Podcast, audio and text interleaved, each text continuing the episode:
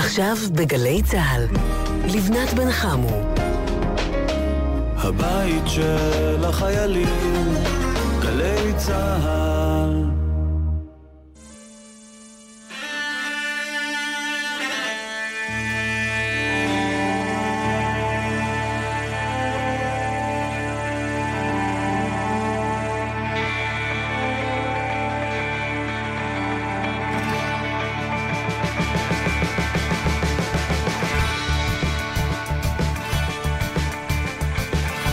שבת שלום, מאזיני ומאזינות גלי צה"ל, אני ממש שמחה להיות כאן איתכם אה, גם אה, בשישי הזה. עכשיו כבר אה, שלוש דקות אחרי השעה שתיים. במקום אהוד בנאי שלנו, ובדרך כלל אני נוהגת לפתוח עם שיר של אהוד. הפעם זה לא יקרה, לא בגלל שלא מצאתי שיר, תמיד יש שיר של אהוד בנאי שמתאים, הוא פשוט יתאים בשלב מאוחר יותר בתוכנית, אז uh, טיפה לסבלנות. איתי באולפן נוגה סמדר המפיקה, עומר נחום שהוא טכנאי השידור, לי קוראים לבנת בן חמו. ובשבוע שעבר, אם האזנתם, אז uh, שידרתי כאן את אלול בעין כרם, של uh, מיקה קרני, מילותיו של יהודה עמיחי. וזה שיר כזה שאני תמיד שמחה לשדר בתקופה הזאת כדי שנרגיש את החודש הזה, המיוחד הזה, אלול. ויש עוד כמה שירים כאלה שעוזרים לי להרגיש את אלול. אני הולכת לשדר לכם את אחד היפים שבהם. אריק איינשטיין, הפעם למילותיו של אה, משורר נפלא אחר, אברהם חלפי. וזה שיר שנקרא סתיו יהודי, ובאמת אה, השבוע התעוררתי והרגשתי איזושהי אווירה קרירה כזאת בבוקר, והשעות נקפו, אה, זה היה כבר אחרי שש ושש וחצי ושבע, וראיתי שהשמש אה, לא נהיית יותר מדי חמה. אז אמרתי, הנה אולי, אולי, אולי הסתיו מגיע, אולי נחוש איזה שבוע כזה של סתיו, או אולי אפילו כמה ימים. אז לא בטוח שזה היה סתיו, אבל אולי הוא עוד יגיע, אז נשמור על אופטימיות. הנה אריק איינשטיין, סתיו יהודי. שבת שלום והאזנה מצוינת.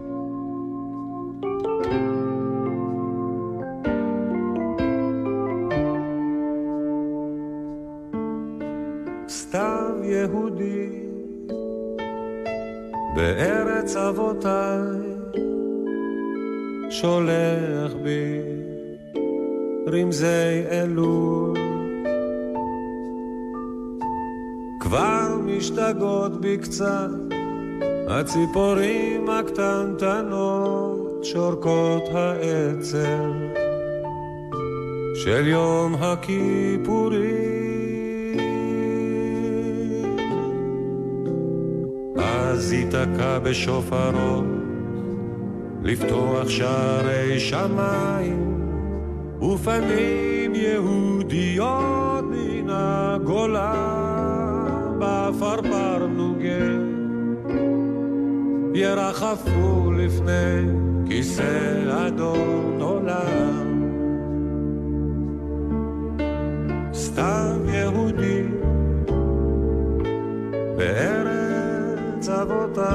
שולח בי. רמזי אלול. כבר משתגעות בקצת הציפורים הקטנטנות שורקות העצב של יום הכיפורים. אז ייתקע בשופרו לפתוח שערי שמיים ופנים יהודיות מן הגולה בפרפר ירחפו לפני כיסא אדון עולם. ובקשות תחנונים וניצוצות הרבה בעומק עיניהם.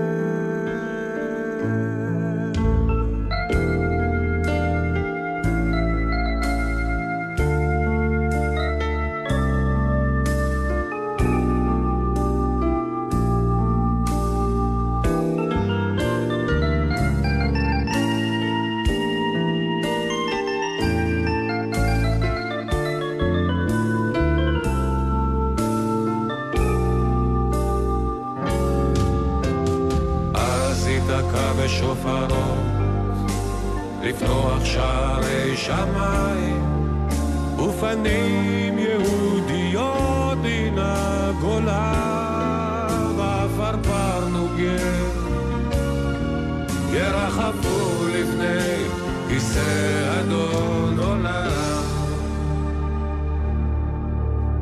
סתיו יהודי בארץ אבותיי שולח בי רמזי אלול. רמזי אלול. אנחנו uh, ממשיכים ברשותכם uh, באותם uh, אזורים של רמזי אלול. הפעם שיר הנושא מתוך האלבום החדש של אישי ריבו שיצא רק בעוד יומיים, אבל מי מכם שמאזין לתוכנית ציפורי לילה מוזיקליות בימי רביעי, יכול היה להאזין לאלבום הרבה לפני שהוא יצא, זה קרה ביום רביעי בלילה, והתוכנית נמצאת להאזנה חוזרת. כל מי שרוצה, הכל נמצא באתר גל"צ, גם באפליקציה, יישומון. ואירחנו שם את ישי ריבו עם האלבום הזה חדש, הוא רביעי במספר שלו, והוא נקרא כאמור אלול תשע"ט. שיר הנושא בכלל היה אלול תשס"ט. אבל זה קרה כאמור לפני איזה עשר שנים, והוא רצה לעשות איתו משהו, אז הוא אמר, אוקיי, אני אעשה איתו משהו כשאני אגיע לתשע"ט, ככה לפחות אני לא אאבד את החרוז. ובאמת הוא הוציא אלבום שחלק ממנו שירים מקוריים באווירת הסליחות וחלק ממש סליחות. והנה שיר הנושא, אלול תשע"ט, אישי ריבו.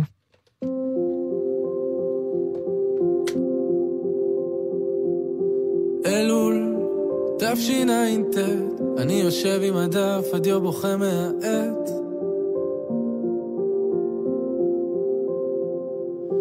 אלול תשע"ט, לא נשאר לי אלא רק להכות על החטא.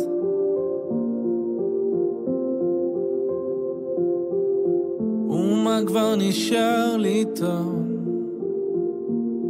והיא מעוות כמוני יכול לתקון. מה כבר נשאר לומר במשפט? מה איתן ומה אצטדק? מושכני אחריך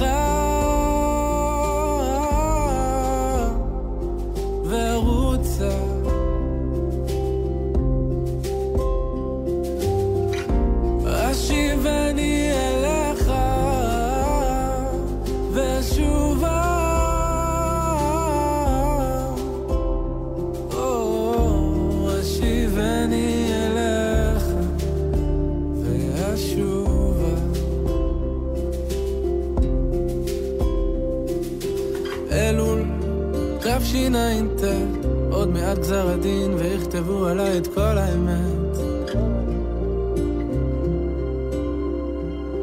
אלול תשע"ט יש לי סיכוי להינצל באמת.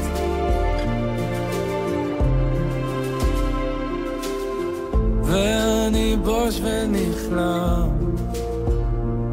הרי אין דבר שמפניך נעלם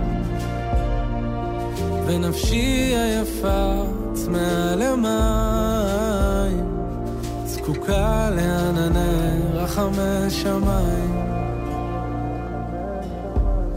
מושכני אחריך וארוצה ארוצה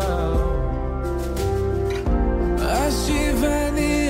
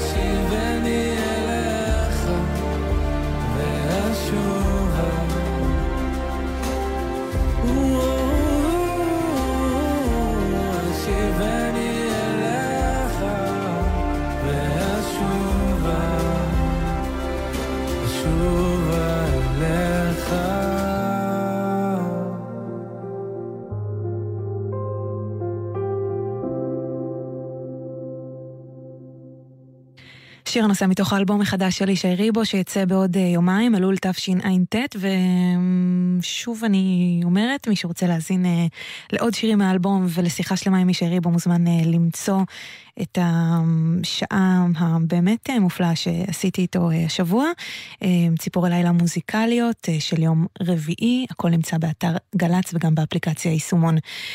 ואני לא יכולה להסתפק רק אה, באלול תשע"ט, כי אמרתי לכם, זה אלבום שיש בו גם כל מיני ביצועים אה, למזמורי אה, ופיוטי סליחות, שזה בעצם הפיוטים הכי יפים שיש.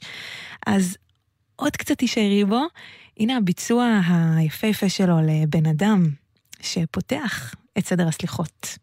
בן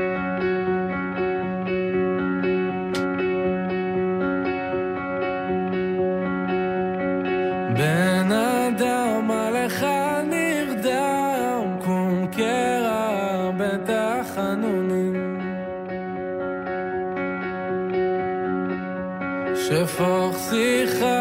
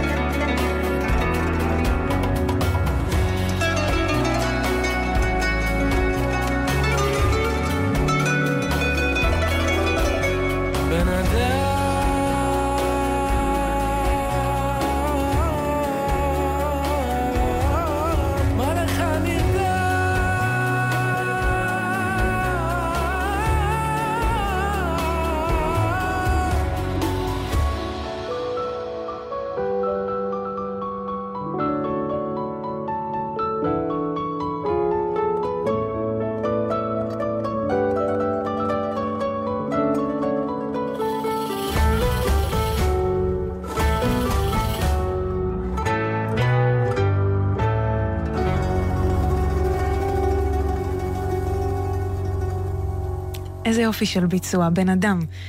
איש ריבו מתוך האלבום החדש. אתם על גלי צה"ל, עכשיו כבר 18 אה, דקות אחרי השעה 2.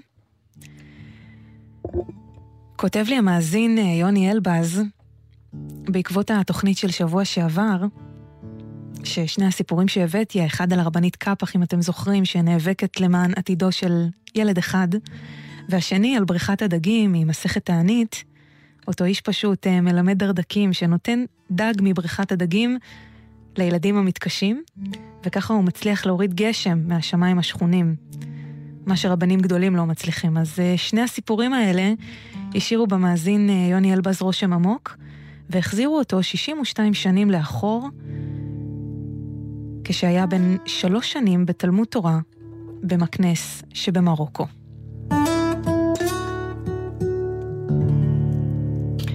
וכך כותב לי יוני: הייתי עולל בן שלוש שהתעלל באמו בתעלולי שובבות עד שהוכרעה.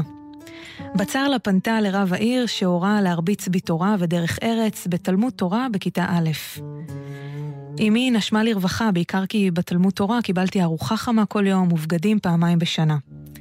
החסד שנעשה איתי בימים הראשונים על ספסל הלימודים נשכח במהרה והתחלף בשבט חד ומתוח שצבט אותי צביטת מלמד לעתים תכופות, כל אימת שאיבדתי את מקום הקריאה.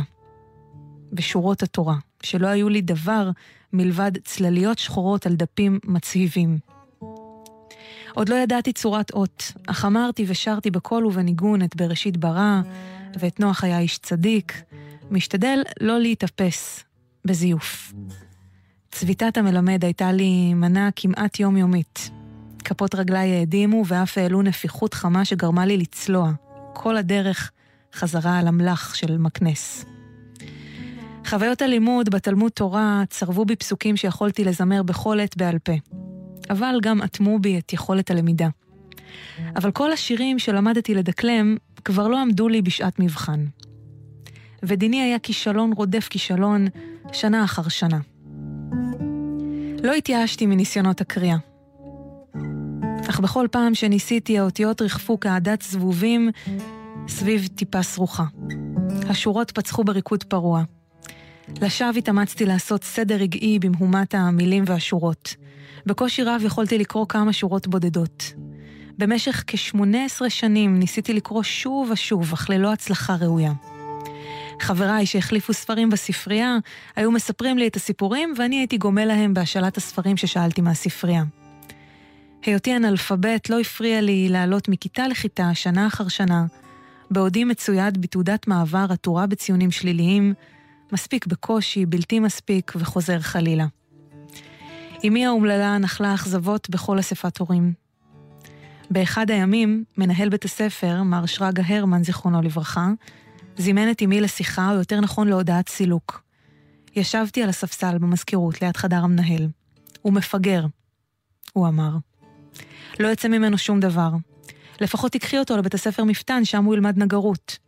אולי יצא ממנו בעל מקצוע. חבל על הזמן שלו כאן. כך אמר לאמי ששתקה ושתקה וספגה את העלבון. כשיצא, אחזה בידי וגררה אותי בהליכה מהירה אל עבר הכיתה ואמרה, כנס ולמד, זה מקומך, שהוא ילך למפתן. בהפסקת הצהריים, תלמידי הכיתות הנמוכות מתקדמים יד ביד אל עבר חדר האוכל. המורה בראשם. אנו, שהיינו די גדולים, ארבנו לזעתותים במסדרון המוביל לחדר האוכל. בהלצה היינו חוטפים את הכיפה מראשו של אחד הילדים, ומוסרים אותה מאחד לשני ברשעות מול קולות התחינה של הילד חסר האונים. היינו מחזירים רק אם הילד בכה ועצר את התור לחדר האוכל. באחד הימים המורה התערבה ובאה לדרוש צדק. התעלמנו ממנה והמשכנו לזרוק את הכיפה מיד ליד. ואז עמדה מולי ואמרה, אבא שלך לא היה גאה במה שאתה עושה. דבריה הקצרים הטילו בי כישוף רע. לא ידעתי למה ואיך עשיתי זאת. התייתמתי מאבי בהיותי בן שלושה חודשים. מאז לא אמרתי את המילה אבא וגם לא שמעתי את המילה אבא בהקשר הנוגע לי. המילה עוררה בי עיוורון וכעס בלתי נשלטים. אחוז טירוף, קפצתי מהמעקה עליו ישבתי, ובעטתי בעיטה חדה וחזקה ישר לעבר בטנה של המורה שהייתה בהיריון מתקדם. היא נפלה בין התלמידים. בידיה חיבקה את בטנה בדאגה. מהומה התחוללה במסדרון הצר, הילדים בכו וצרחו. חבריי לתעלולים ברחו, המורים התורנים יצאו מבוהלים מחדר האוכל ואחרים עצרו את התלמידים הסקרנים. אני עמדתי מול קורבני המוטלת על רצפת המסדרון. מבטים כעוסים שלחו אליי קיתונות של בוז. עמדתי חיוור וסמוק. הזעתי זיעה קרה וגופי רתח מחום. הדופק איים לפרוץ את בית החזה. נעלמתי דום כמוכה שיתוק. המורה להתעמלות, איש גבוה וחסון, פניו עטורי שפה מדויק, התקדם אליי. ראיתי את סופי מתקרב. הוא לא אמר מילה. הניח יד על כתפי, כמעט מחבק אותי בידיו השריריות, והוביל אותי אל מחוץ להמולה לתוך הכיתה שלי. המחנך יהודה אהרוני, שהוזעק למקום האירוע, נכנס לכיתה, הביט בי בעיניים גדולות ורחבות, והורה לי לשבת בשולחן מולו. המורה להתעמלות, לפני שעזב את הכיתה, הביט בפניי ממרחק קצר ביותר, תוך שהוא מבין את גודל חרטתי ואת צערי. הניח את כף ידו הענקית על פניי כמרגיע, ויצא ללא מילה. המורה יהודה פרס מפית בת צבעונית על השולחן שהפריד בינינו. הניח מטעמים וציווה עליי לאכול. סירבתי. הוא תקע בי מבט מאיים ואמר, תאכל, אבל קודם תברך. בירכתי ואכלתי יחד איתו. התבוננתי בלעיסות של המורה שעה ארוכה. הוא לא אמר מילה. רק הביט בי והפציר בי להמשיך לאכול. בסוף בירכנו ברכת המזון. הייתי בטוח שחבל התלייה עוד מונח בתיק שלו. אך סיימנו לאכול, קולות פעמון הנחושת הכריזו על תום ההפסקה, צביטת המלמד שלא הגיע, לימדה אותי יותר מכל מהי דרך ארץ. מאז נהייתי ילד טוב. לא סתם ילד טוב, אלא הילד הכי טוב. שוב לא התעללתי, לא הרבצתי, לא התאכזרתי לחתולים וציפורים ואפילו לא קיללתי. מבית הספר התיכון סולקתי בכל הזדמנות, אך אמי עמדה והתחננה ואפילו בכתה. ובכל פעם החזירו אותי מחדש. לא זכיתי לסיים י"ב שנות לימוד. אולי היד הרכה של המורה להתעמלות וסעודת החרטה עם המורה יהודה היו בריכת הדגים שלי, כותב יוני אלבז. עברו שנים, בגיל 21, בהיותי חייל, הצלחתי סוף סוף לקרוא בהצלחה ובהנאה את הספר הראשון בחיי. מאז אני רואה אותיות. את מבחני הבגרות למדתי בכוחות עצמי. סיימתי שלושה תארים.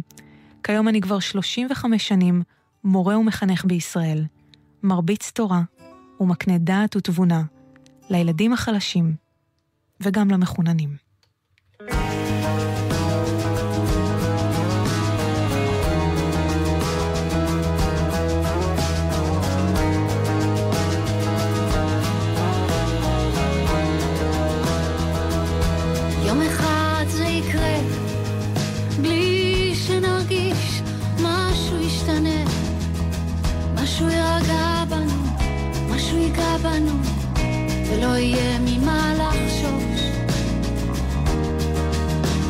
יבוא, כמו קו חרוט על כף יד, זה יבוא, בטוח בעצמו.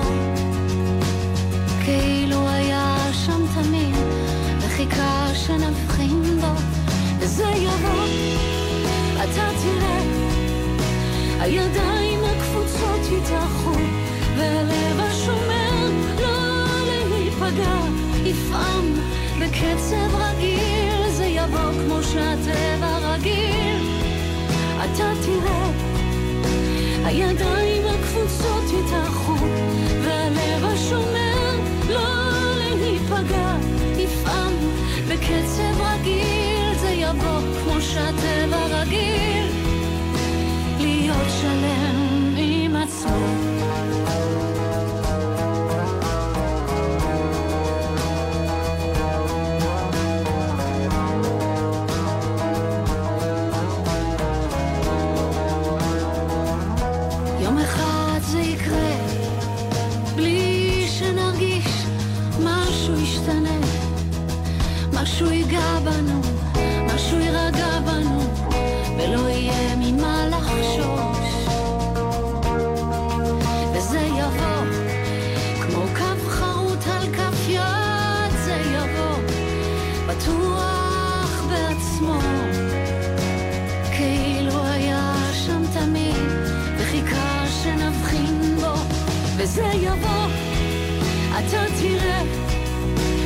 הידיים הקבוצות יתארחו, והלב השומר לא להיפגע, יפעם בקצב רגיל זה יבוא כמו שהטבע רגיל.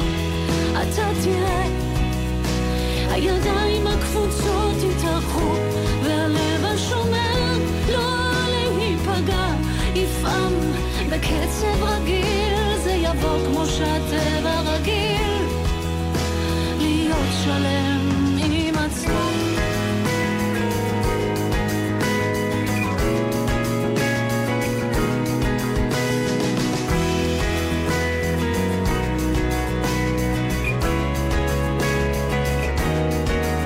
זה יבוא, אתה תראה, הידיים הקפוצות יתארחו, והלב השומר לא להיפגע, יפעם בקצב רגיל, זה יבוא כמו שהטבע רגיל.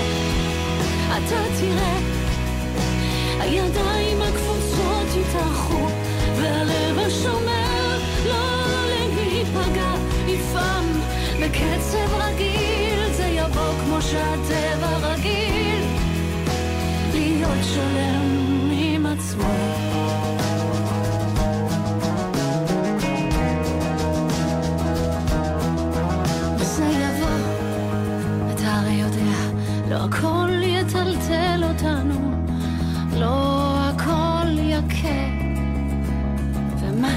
שיפתח לנו מחכה.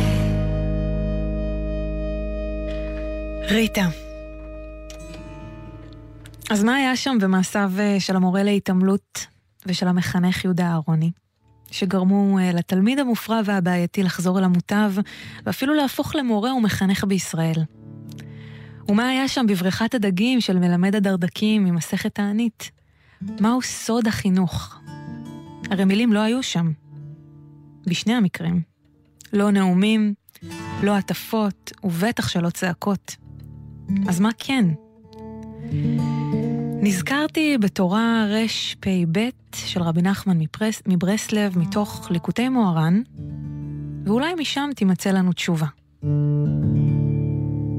וכך אומר רבי נחמן: דע כי צריך לדון את כל אדם לכף זכות. ואפילו מישהו רשע גמור, צריך לחפש ולמצוא בו איזה מעט טוב, שבאותו המעט אינו רשע, ועל ידי זה שמוצא בו מעט טוב ודן אותו לכף זכות, על ידי זה מעלה אותו באמת לכף זכות, ויוכל להשיבו בתשובה.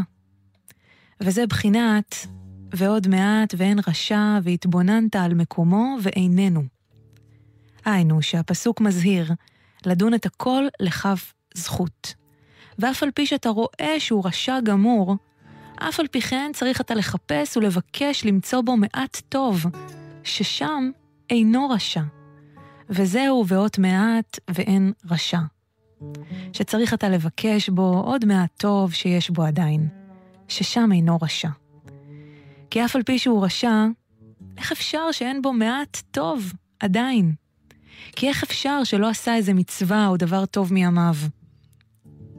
ועל ידי זה שאתה מוצא בו עוד מעט טוב, ששם אינו רשע, אתה דן אותו לכף זכות. על ידי זה אתה מעלה אותו באמת מכף חובה לכף זכות, עד שישוב במהרה. ומוסיף רבי נחמן ואומר, שעניין העין הטובה הזאת היא לא רק שלנו לגבי החברים שלנו, אלא שלנו לגבי עצמנו.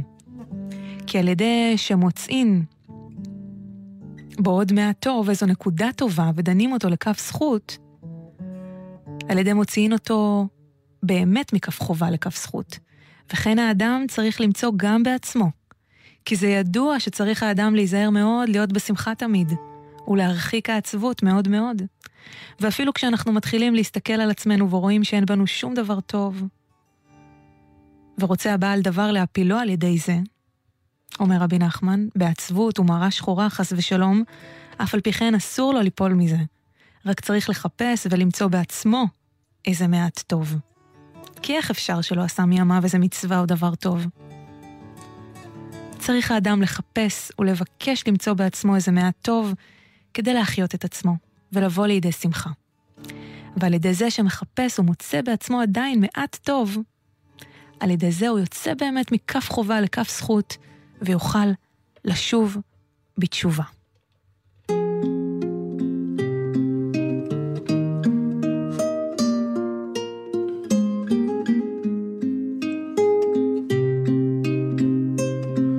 אחות קטנה, נפש תאומה, חכי עוד רגע, עוד מעט. יש שכר לפעולתך, הנה הוא קם, ואלייך הולך, חכי עוד רגע, כי רק את.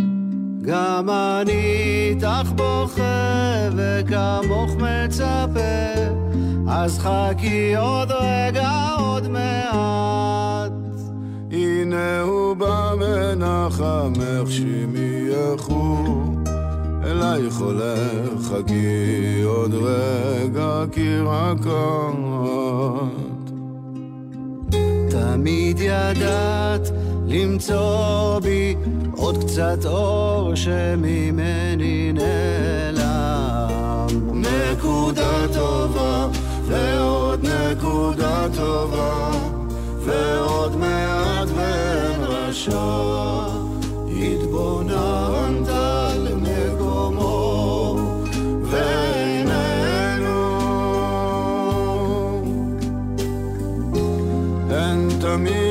השכלת לשמוע את השיר שלנו שכמעט נדם. נקודה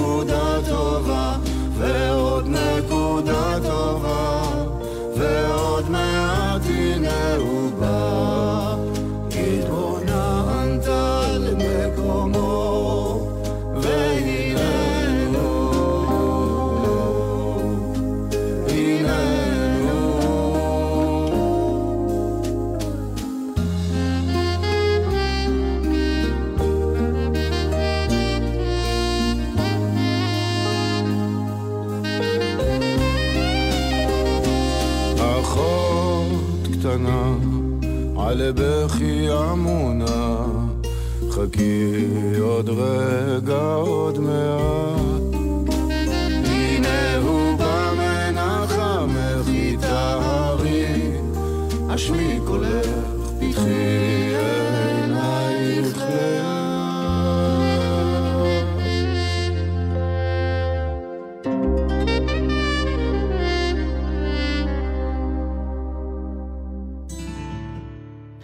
אני הבטחתי לכם שאהוד בנאי עוד uh, יפציע, אז הנה הוא, עם uh, שולי רנד, נקודה טובה. זה גם שיר שמבוסס על uh, תורה רפ"ב של רבי נחמן שעסקנו בה קודם. וברשותכם אנחנו ממשיכים עם הסבא רבא של רבי נחמן, הבעל שם טוב, ומייסד תנועת החסידות, שעל פי מסורת מאוחרת של חב"ד, נולד בי"ח באלול, שזה ממש בשבוע הבא. רביעי הקרוב.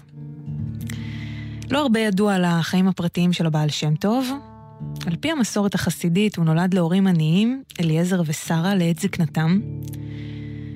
בילדותו כבר התייתם מהוריו, הוא התפרנס אה, כעוזר למלמד תינוקות, כשומר בית מדרש וגם כשוחט. נשא לאישה את חנה, ובאותה תקופה התבודד בערים, והתפרנס כנראה מקריאת טיט ומכירתו.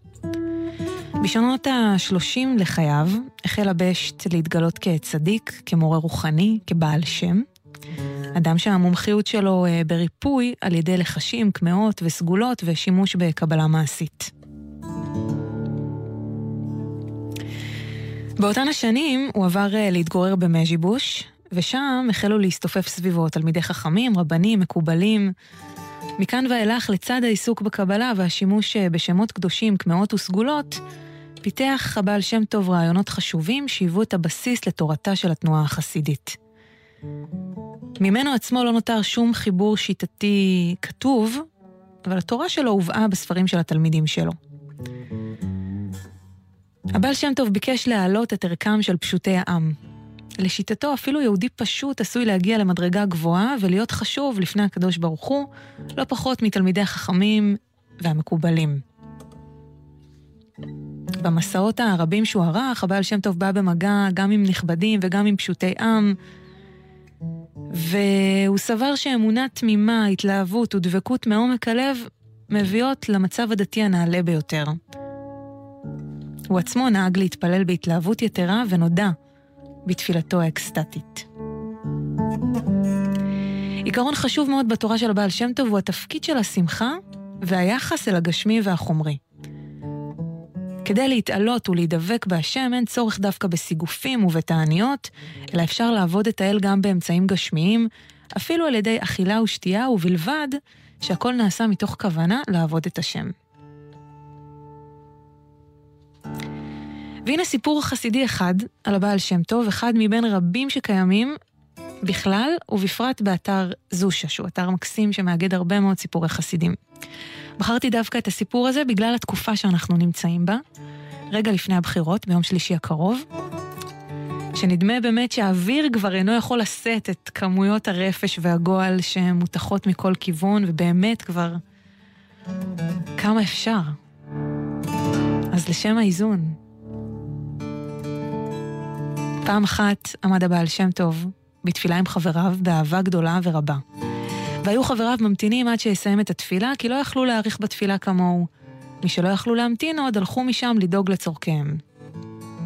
אחר כך שבו והתקבצו סביבו. אז אמר להם הבעל שם טוב, דעו לכם שגרמתם פירוד גדול בכך שעזבתם אותי, וסיפר להם משל. ידוע הדבר כי טבעם של העופות שבכל חורף נודדים אל הארצות החמות. כי טבעם של העופות לדור במקום חם. פעם אחת כשהגיעו הציפורים אל ארצות החום, ראו בני האדם שגרו שם עוף אחד יושב על אילן גדול. והעוף היה נאה ומפואר מאוד בכל מיני גוונים. סיפרו האנשים את הדבר למלך המדינה, ורצה המלך לתפוס את העוף הזה חי. ציווה המלך שהתקבצו כמה אלפים של גויים מבני המדינה, והתקרבו אל האילן, ויעמדו זה על גבי זה, עד שיוכל העליון שבהם לפשוט את ידו, ולקחת את הציפור מן האילן, ולהביאה אל המלך. כך עשו, ועמדו האנשים זה על גבי זה. אך כאשר היה האיש העליון קרוב אל העוף, התנועעו הגויים שעמדו למטה לכאן ולכאן, ולא נשארו מחוברים לאלה שעמדו מעליהם. וכך נפלו כולם. העוף פרח וברח, וכל מעשיהם היו לחינם. רצונו של המלך היה שיהיו כולם בהתקשרות ובחיבור אחד, אבל הם ביקשו חשבונות רבים. זה ציטוט מתוך קהלת. והתנועעו לכאן ולכאן, עד שנפרדו זה מזה, ונפלו כולם, והציפור עפה מן האילן. אחר כך אמר להם הבעל שם טוב, על ידי שאתם מחוברים עימי בשעת התפילה, אני יכול להצליח. אבל כאשר אתם נפרדים, וכל אחד הולך לדאוג לצרכיו, נפרדת האהבה שביניכם, וכך נופל הכל, וכל מה שרציתי להשיג פורח ממני. כאשר אין אהבה שלמה בין איש לחברו, ונפגם הקשר שבין התחתונים לעליונים, אז נהרס בניין החסד שבעולם, ואפילו אותיות התורה נפרדות זו מזו. אז יהי רצון שהעובדה שמפלגות מתמודדות אחת מול השנייה לא תגרום לנו לפילוג גדול בעם שלנו, ונזכור את אותה אהבה שלמה בין איש לחברו, שבונה את בניין החסד שבעולם. thank you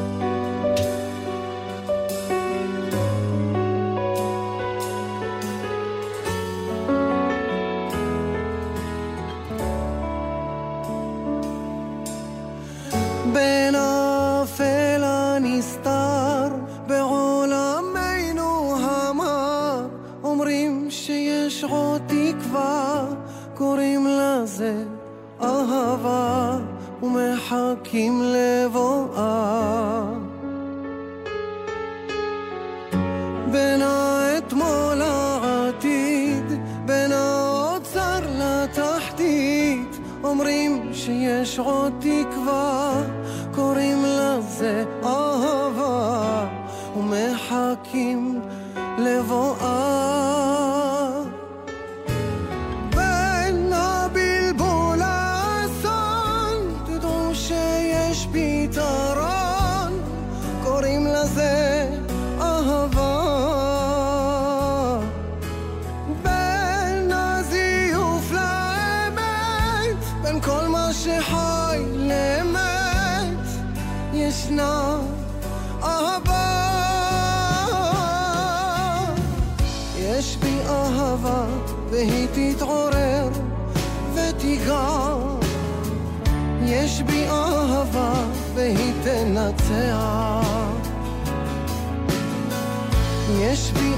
אהבה והיא תתעורר ותיגע.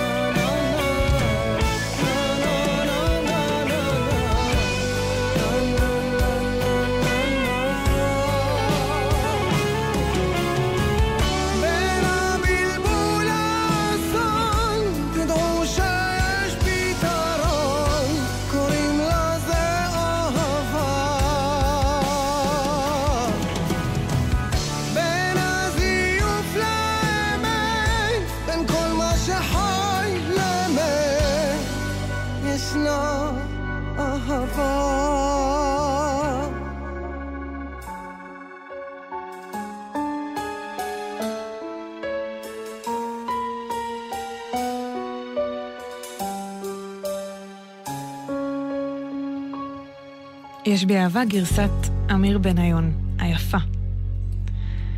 גלי צה"ל,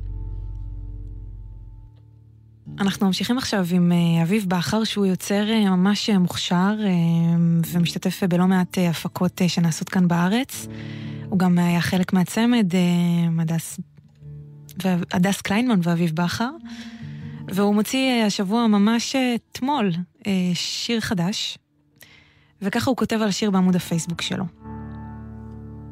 אני חי בארץ הזו, היא שלי ואני שלה. בדמי, בעורקיי, בנשמתי, היא יודעת להכאיב, היא שברה לי את הלב, את הלב לרסיסים לא פעם, וגם לימדה אותי להתאהב, לאהוב. השיר הזה הוא מין חוזה חתום, כתובה, ביני לבינה. אנחנו נשארים יחד. עד שהמוות יפריד בינינו, או עד הבחירות הבאות עלינו עוד רגע, לטובה.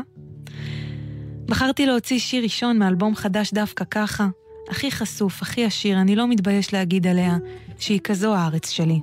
כמה יפה, ככה מסובכת, ובעיקר גאה. כי יודע אני עמוק בליבי, שמילים כמו אלה צריכות להיאמר חזק וברור. רק ככה שינוי יגיע. רק ככה אוהבים באמת אישה, משפחה וארץ. אביב בכר.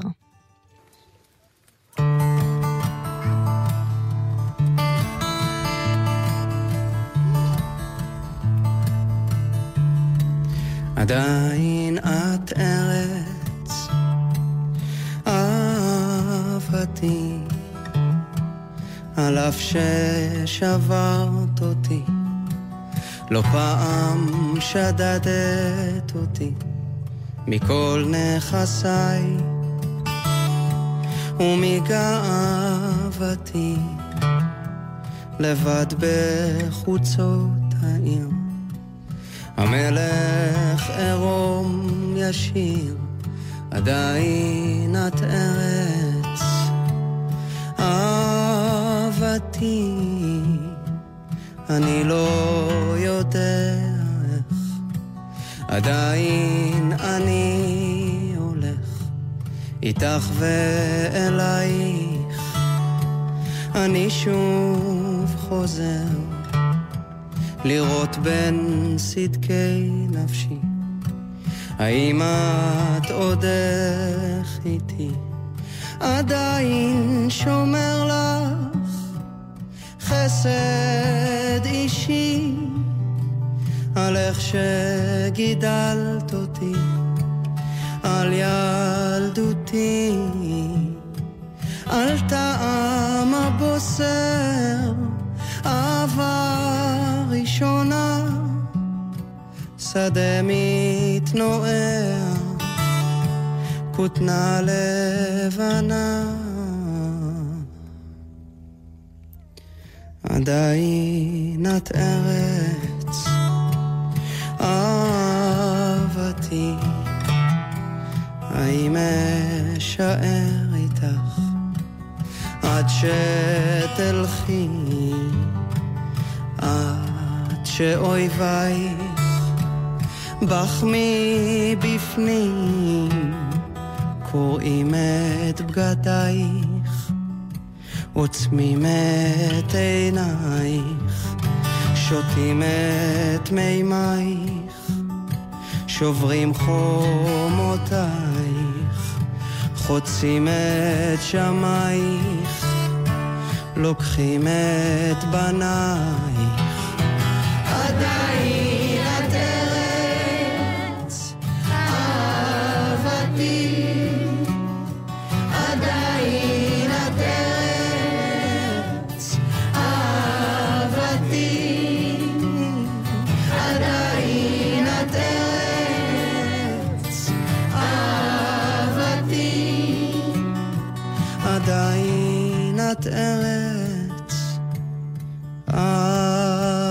אהבתי.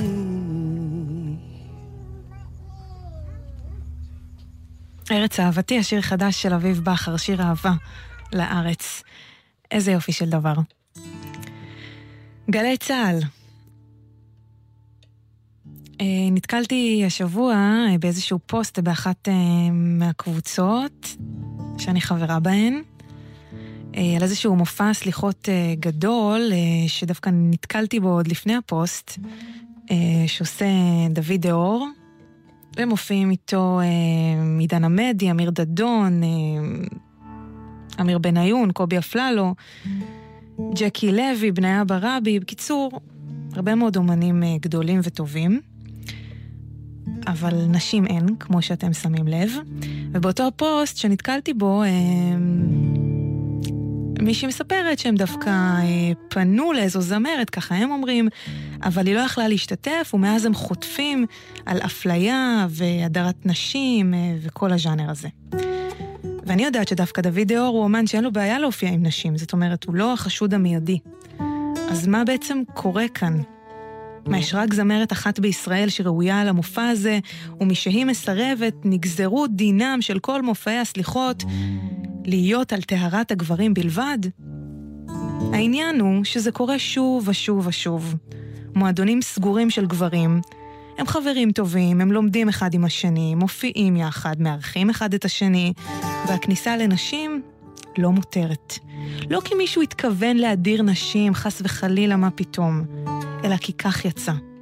אבל זה העניין, שאנחנו לא יכולים לאפשר לעצמנו שכך יצא.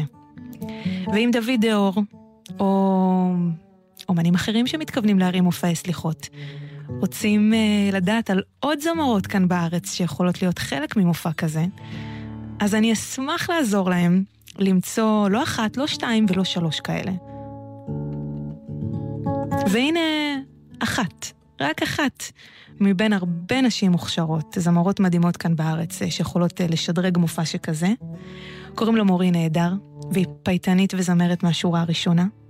והנה ביצוע של הלייב כאן באולפן גל"צ אה, בתוכנית של רינו צרור מלפני כמה שנים. יה שמע אביוניך. מורי נהדר.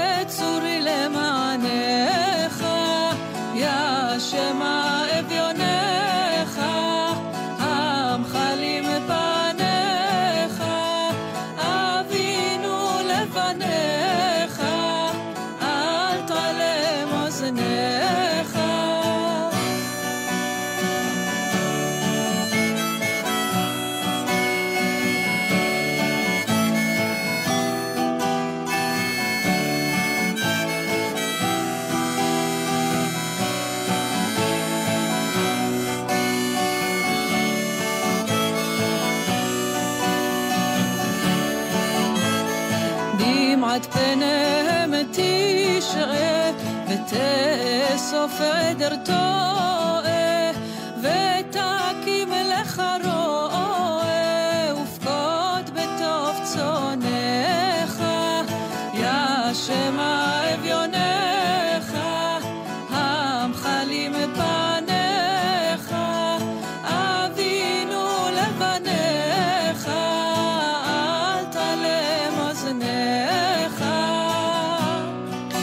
מורי נהדר, אם שמע אביונך, חמש דקות לפני השעה שלוש, אנחנו מסיימים. תודה רבה לנוגה סמדר המפיקה וגם לעומר אה, נחום הטכנאי שלנו. לי קוראים לבנת בן חם, ואם אתם רוצים אה, להגיב לתוכנית, אתם מוזמנים ממש לעשות את זה ולכתוב לי למייל. לך דודי לקראת כלה, פני שבת נקבלה, שמור וזכור בדיבור אחד, השמיענו אל המיוחד, אדוני אחד ושמו אחד, לשם ולתפארת ולתהילה, לקראת שבת לכו ונלכה, כי מקור הברכה, מראש מקדם נסוכה, סוף מעשה במחשבה תחילה, מקדש מלך עיר מלוכה. אז המייל שלי הוא אה, libi.bh שטרודל gmail.com libi.bh שטרודל gmail.com אנחנו סוגרים עם דוד ד'אור ופטריק סבג, לכה דודי, כי אצלנו יש מקום לכולם. שתהיה לכם שבת מלכה, יורם גאון, מיד אחרי חדשות השעה שלוש. להתראות.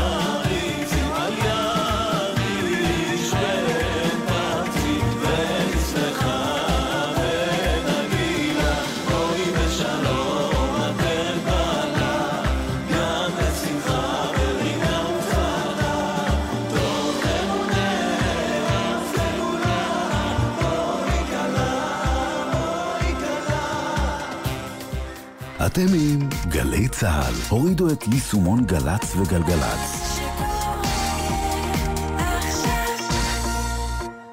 אתה כבר בדרך הביתה, ומקבל הודעה מהמנהלת מלאה סימני קריאה, והלחץ מתחיל להשתלט עליך. מה שכחתי? אוי לא, זה בטח בגלל שקף 73 במצגת. ידעתי שאני צריך לעשות עוד הגעה. נו באמת, צא מהלחץ. הרי במקרה דחוף באמת, הייתי מתקשרת. שימוש בנייד מעלה את הסיכון לתאונה פי עשרה. אם זה דחוף, מתקשרים. בנהיגה, הודעות יכולות לחכות. נלחמים על החיים עם הרלב"ד.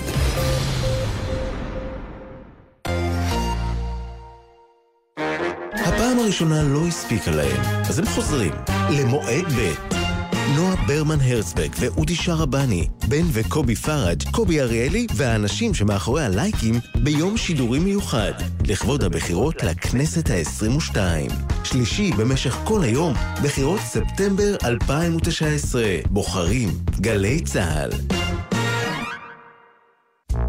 שלום, אני פרופסור תמר הרמן. ואני פרופסור אורן סופר, שנינו מהאוניברסיטה הפתוחה. אורן, אתה יודע שימניים נהנים הרבה יותר מארוחות חג משפחתיות? די, נו, זה מוכח מדעית? תתפלא, אבל ממש ככה. רוצים לדעת מה עוד המחקר יודע לספר לנו על החיים שלנו? אנו מזמינים אתכם להאזין לפודקאסט הסכת אדרבה, בו נדבר בגובה העיניים על נושאים יומיומיים מזוויות בלתי שגרתיות. תמצאו את אדרבה ביישומון גל"צ גלגלצ, או בכל מקום בו אתם צורכים את הפודקאסטים שלכם.